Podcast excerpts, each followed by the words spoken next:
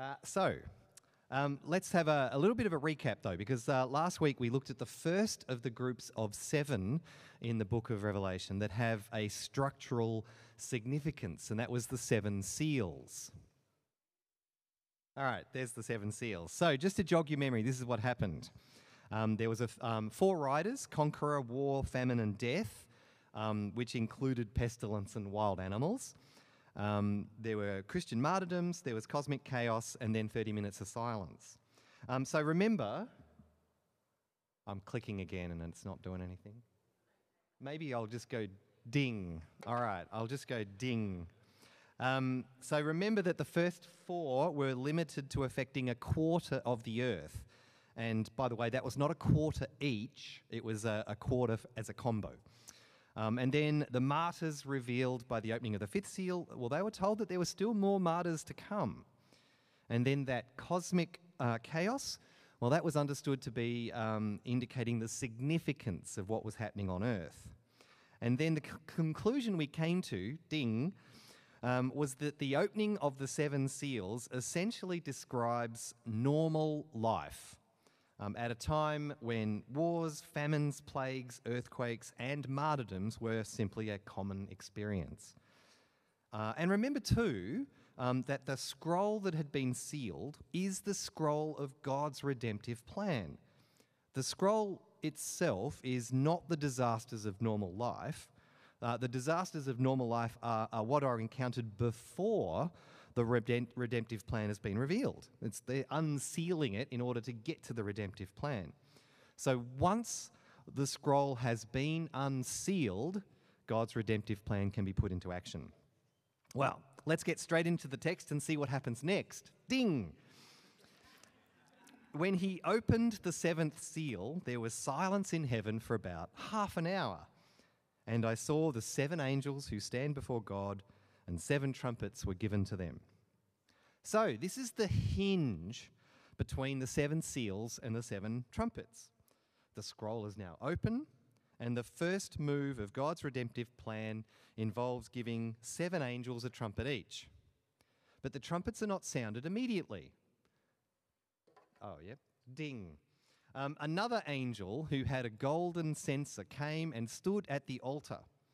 Uh, he was given much incense to offer with the prayers of all God's people on the golden altar in front of the throne.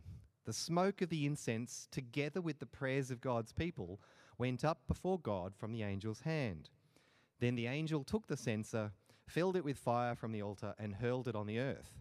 And there came peals of thunder, rumblings, flashes of lightning, and an earthquake. So, it seems that the first phase of God's redemptive plan is not initiated until something happens. God's people pray. And here in this passage, our prayers are described as incense. And then when those prayers are received, the result involves some spectacular special effects. May this encourage us to pray. But what was the substance of those prayers? Well, in order to see what the answer to those prayers is, we have to keep reading. Beautiful. Um, then the seven angels who had the seven trumpets prepared to sound them. Okay, now we're in business. Uh, to save a little bit of time, um, remember I did say you were supposed to read these chapters ahead of time. Um, here's a summary of what happens when the first six trumpets are sounded. We get a rain of hail, fire, blood, which burns up a third of the trees and grass of the earth. I'm really worried about the kids being in the room because uh, there's a lot of, you know, P- non PG uh, language that's coming up, but we'll see how we go.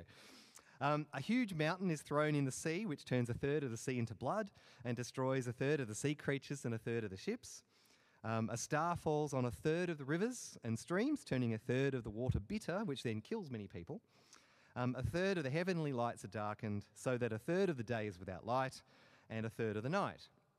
Look, these events sound pretty bad, but do they sort of remind you of an Old Testament story? Which one? Ten plagues. Thank you. The ten plagues uh, of, of the Exodus narrative.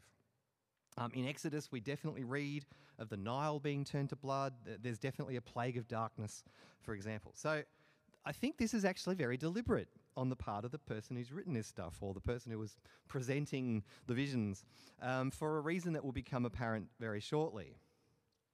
Then, just for something completely different, here we go.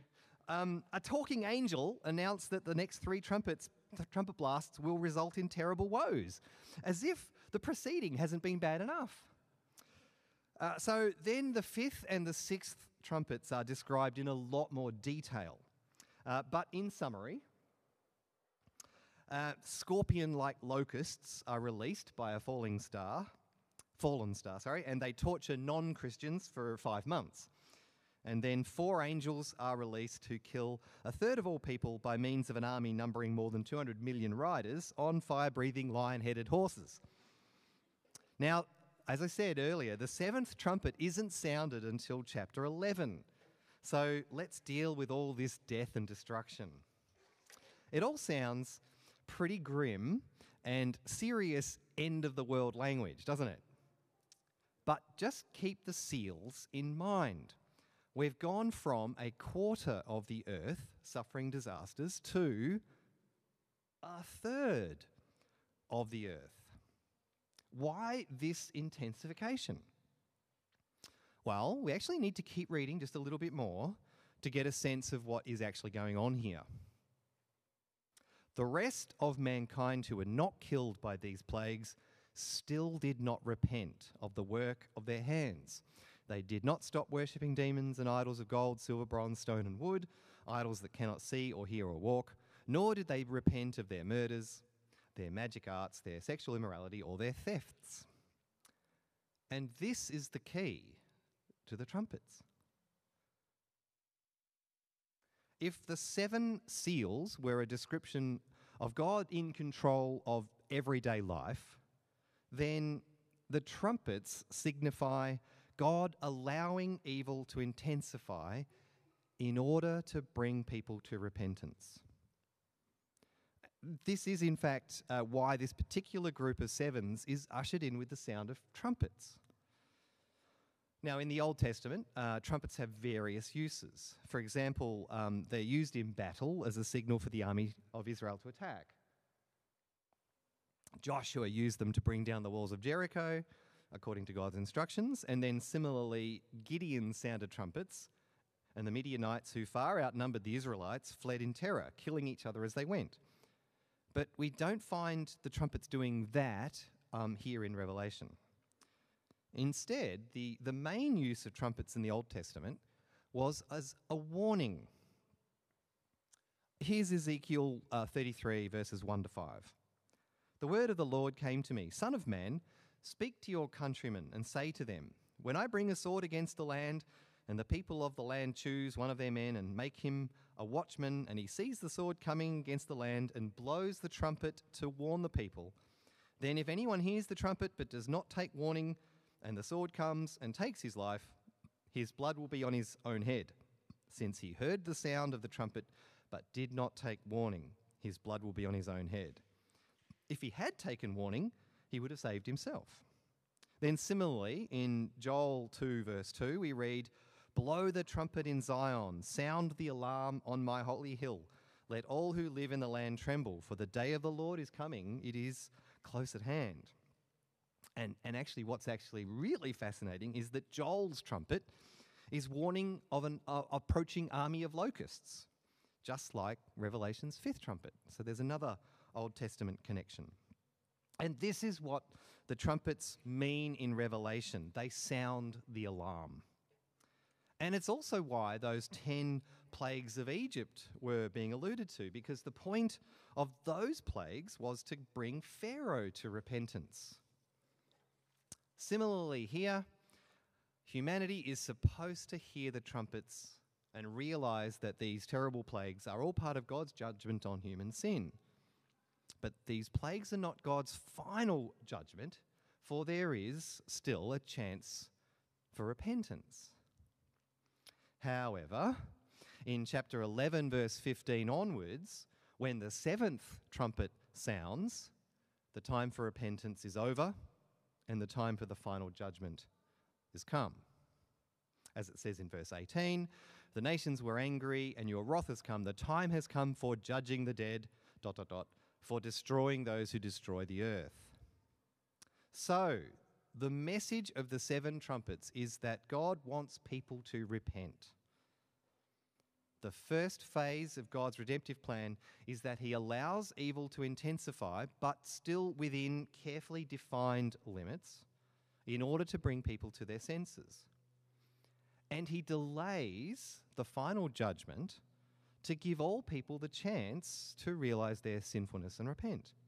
As it says in 2 Peter 3, verse 9, the Lord is not slow in keeping his promise, as some understand slowness. He is patient with you, not wanting anyone to perish, but everyone to come to repentance. So, this is what we as God's people should be praying for that non Christians will be brought up short when bad things happen to them, come to their senses, and repent. And yet, while some people turn to God when they go through difficulties, it's hardly guaranteed. And even Revelation 9 uh, acknowledges this. 9 verse 20 said that the rest of mankind did not repent. Bad things happen to people, uh, it doesn't actually bring about repentance. Uh, but because God wants to give everyone a chance, something else has to happen. So instead of sounding the seventh trumpet, which would usher in that final judgment, we get an interruption. But it's an interruption that will prove to be somewhat scary and yet strangely encouraging for a church that's facing increased persecution.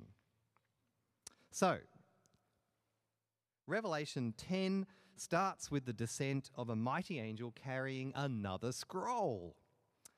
Then I saw another mighty angel coming down from heaven. He was robed in a cloud with a rainbow above his head. His face was like the sun, and his legs were like fiery pillars. He was holding a little scroll, which lay open in his hand. He planted his right foot on the sea and his left foot on the land, and he gave a loud shout like the roar of a lion. When he shouted, the voices of the seven thunders spoke. And when the seven thunders spoke, I was about to write, but I heard a voice from heaven say, Seal up what the seven thunders have said and do not write it down. This is, this is a good example of details that I don't necessarily understand.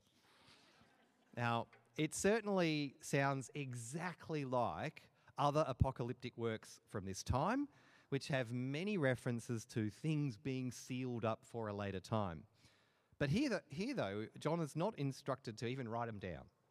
So whatever it was that the seven thunders said has been lost to posterity. Uh, the next bit, though, um, might be one of the most significant passages in the whole book when trying to work out the chronology of the book. Uh, then the angel I had seen standing on the sea and on the land raised his right hand to heaven. And he swore by him who lives forever and ever, who created the heavens and all that is in them, the earth and all that is in it, and the sea and, and all that is in it, and said, There will be no more delay. But in the days when the seventh angel is about to sound his trumpet, the mystery of God will be accomplished, just as he announced to his servants the prophets.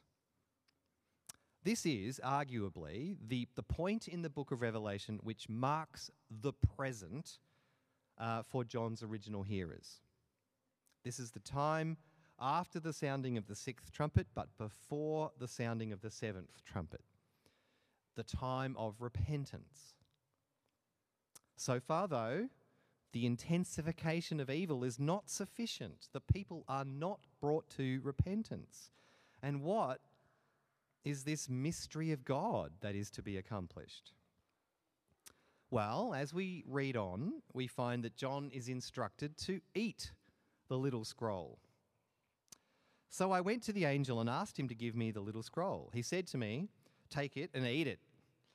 It will turn your stomach sour, but in your mouth it will be as sweet as honey. I took the little scroll from the angel's hand and ate it. It tasted as sweet as honey in my mouth but when I had eaten it, my stomach turned sour. Well, this is yet another Old Testament reference, this time to Ezekiel's prophetic call. But you, Son of Man, listen to what I say to you. Do not rebel like that rebellious people. Open your mouth and eat what I give you. Then I looked and, I saw a hand stretched out to me. In it was a scroll which he unrolled before me. On both sides of it were written words of lament and mourning and woe. And he said to me, Son of man, eat this scroll. I am um, sorry, eat what is before you, eat this scroll, then go and speak to the people of Israel. So I opened my mouth, and he gave me the scroll to eat. Then he said to me, Son of man, eat this scroll I am giving you, and fill your stomach with it. So I ate it, and it tasted as sweet as honey in my mouth. Now, notice in Ezekiel that the scroll is described as words of lament and mourning and woe. And yet, the scroll tasted as sweet as honey in Ezekiel's mouth. Uh, nothing, you'll note, is said about the effect of the scroll on Ezekiel's stomach, although the stomach is mentioned. Well, we know from the book of Ezekiel that he did, in fact, prophesy lament and mourning and woe, and the people he spoke to did not listen and they did not repent. Now, back in Revelation, we are not told what is written on the little scroll. Uh, like Ezekiel's scroll, it tasted as sweet as honey, but John's scroll turned his stomach sour. This is a pictorial way of describing a message that is going to hurt. And what is that message? Well, um, Caird puts it well, contrasting the two scrolls that we've encountered so far.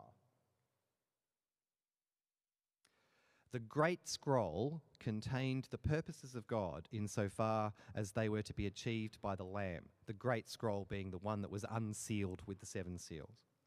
The Little Scroll contains a new version of those same pur- purposes insofar as they are to be achieved through the agency of the church. And what will that entail?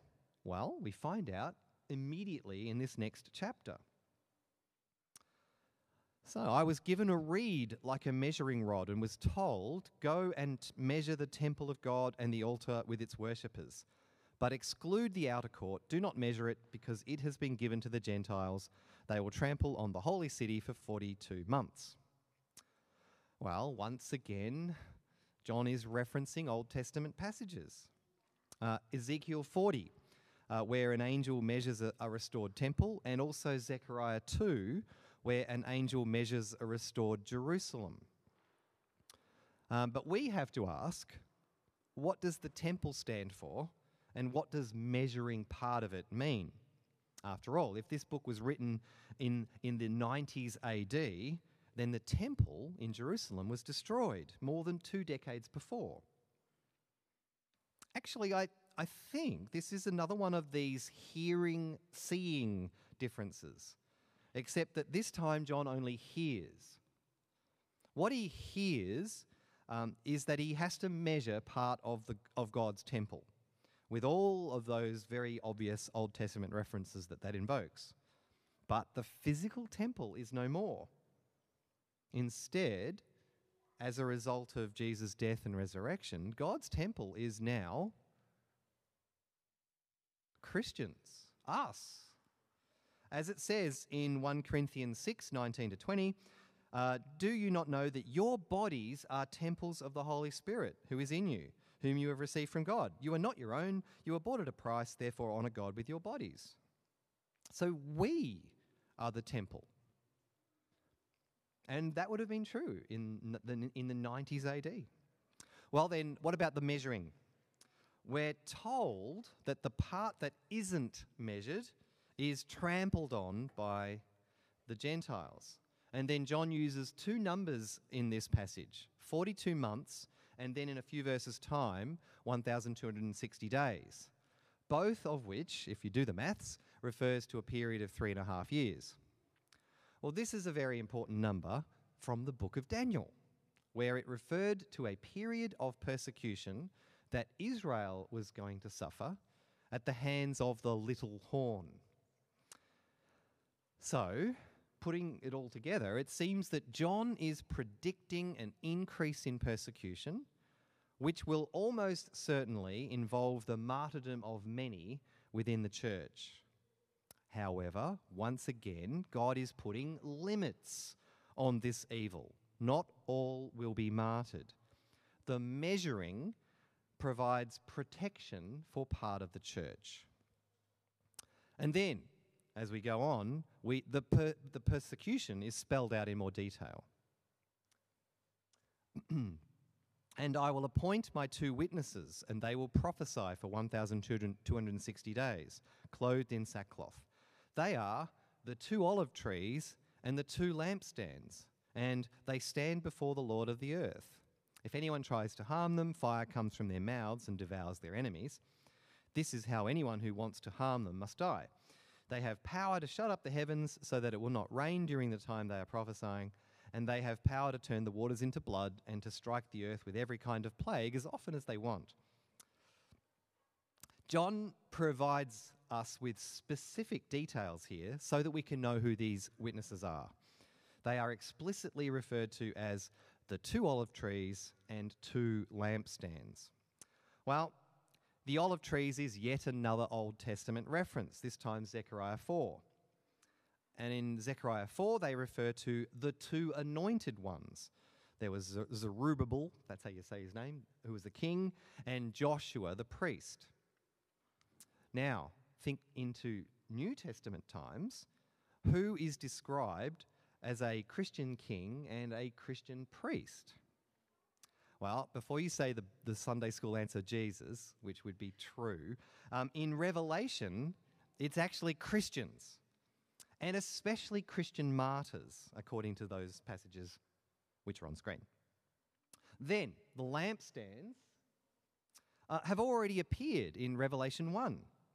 And we, they were explained there as referring to the seven churches. Now, while Revelation 2 to 3 contains seven letters to specific seven churches in the Asia Minor region, remember that seven is this perfect number. So the seven lampstands re- represents the church in all parts of the world. Well, in this passage now, John is singling out two lampstands. In other words, John is implying that the increase in persecution will not affect the whole church, just a proportion. And we haven't even got to the persecution yet, have we? Um, first, we've got this fire from their mouths and every kind of plague. All sounds a bit nasty, doesn't it? But it's probably the same thing as was as with the trumpets that the fire is the word of their testimony and the plagues are supposed to lead people to repentance. But the situation turns. Now, when they have finished their testimony, the beast that comes up from the abyss will attack them and overpower them and kill them. Their bodies will lie in the public square of the great city, which is figuratively called Sodom and Egypt, where also their Lord was crucified. For three and a half days, some from every people, tribe, language, and nation will gaze on their bodies and refuse them burial the inhabitants of the earth will gloat over them and will celebrate by sending each other gifts, because these two prophets had tormented those who live on the earth. John's getting ahead of himself. Uh, the beast from the abyss doesn't make an appearance until next chapter. And so I'm going to leave that to, for Adam to deal with. However, let's um, just, uh, to set the scene, deal with this great city reference. John explicitly tells us he's using figurative language when he calls it Sodom, which was a symbol of vice, and Egypt, which was a symbol of tyranny, and the place of Jesus' death. Now, you'd think, wouldn't that be Jerusalem, uh, so far as that's where Jesus was crucified? Well, not necessarily, because I think John is referring to who is responsible for Jesus' death. In other words, John is talking about Rome. Rome will be responsible for the persecution of Christians, which will indeed lead to the martyrdom of some in the church. However, that's not the end of things. After the three and a half days, the breath of life from God entered them and they stood on their feet definite echoes of Ezekiel 34 here. And terror struck those who saw them. Then they heard a loud voice from heaven saying to them, Come up here. And they went up to heaven in a cloud while their enemies looked on. At that very hour, there was a severe earthquake, and a tenth of the city collapsed. 7,000 people were killed in the earthquake, and the survivors were terrified and gave glory to the God of heaven. So, the two witnesses are resurrected. God vindicates them in the sight of their enemies. And then this uh, vindication is this consequent earthquake, that, uh, that's, which is an Old Testament, Old Testament symbol for the overthrowing um, of an ungodly political order, which destroys part of Rome and which leads to the conversion of many people. And that's the second woe. It's also the message of the little scroll. No one in their right mind looks forward to martyrdom. It would be horrible to go through something like that. Hence, the sourness in John's stomach. And yet, martyrdom for some in the church is part of God's ultimate plan of redemption.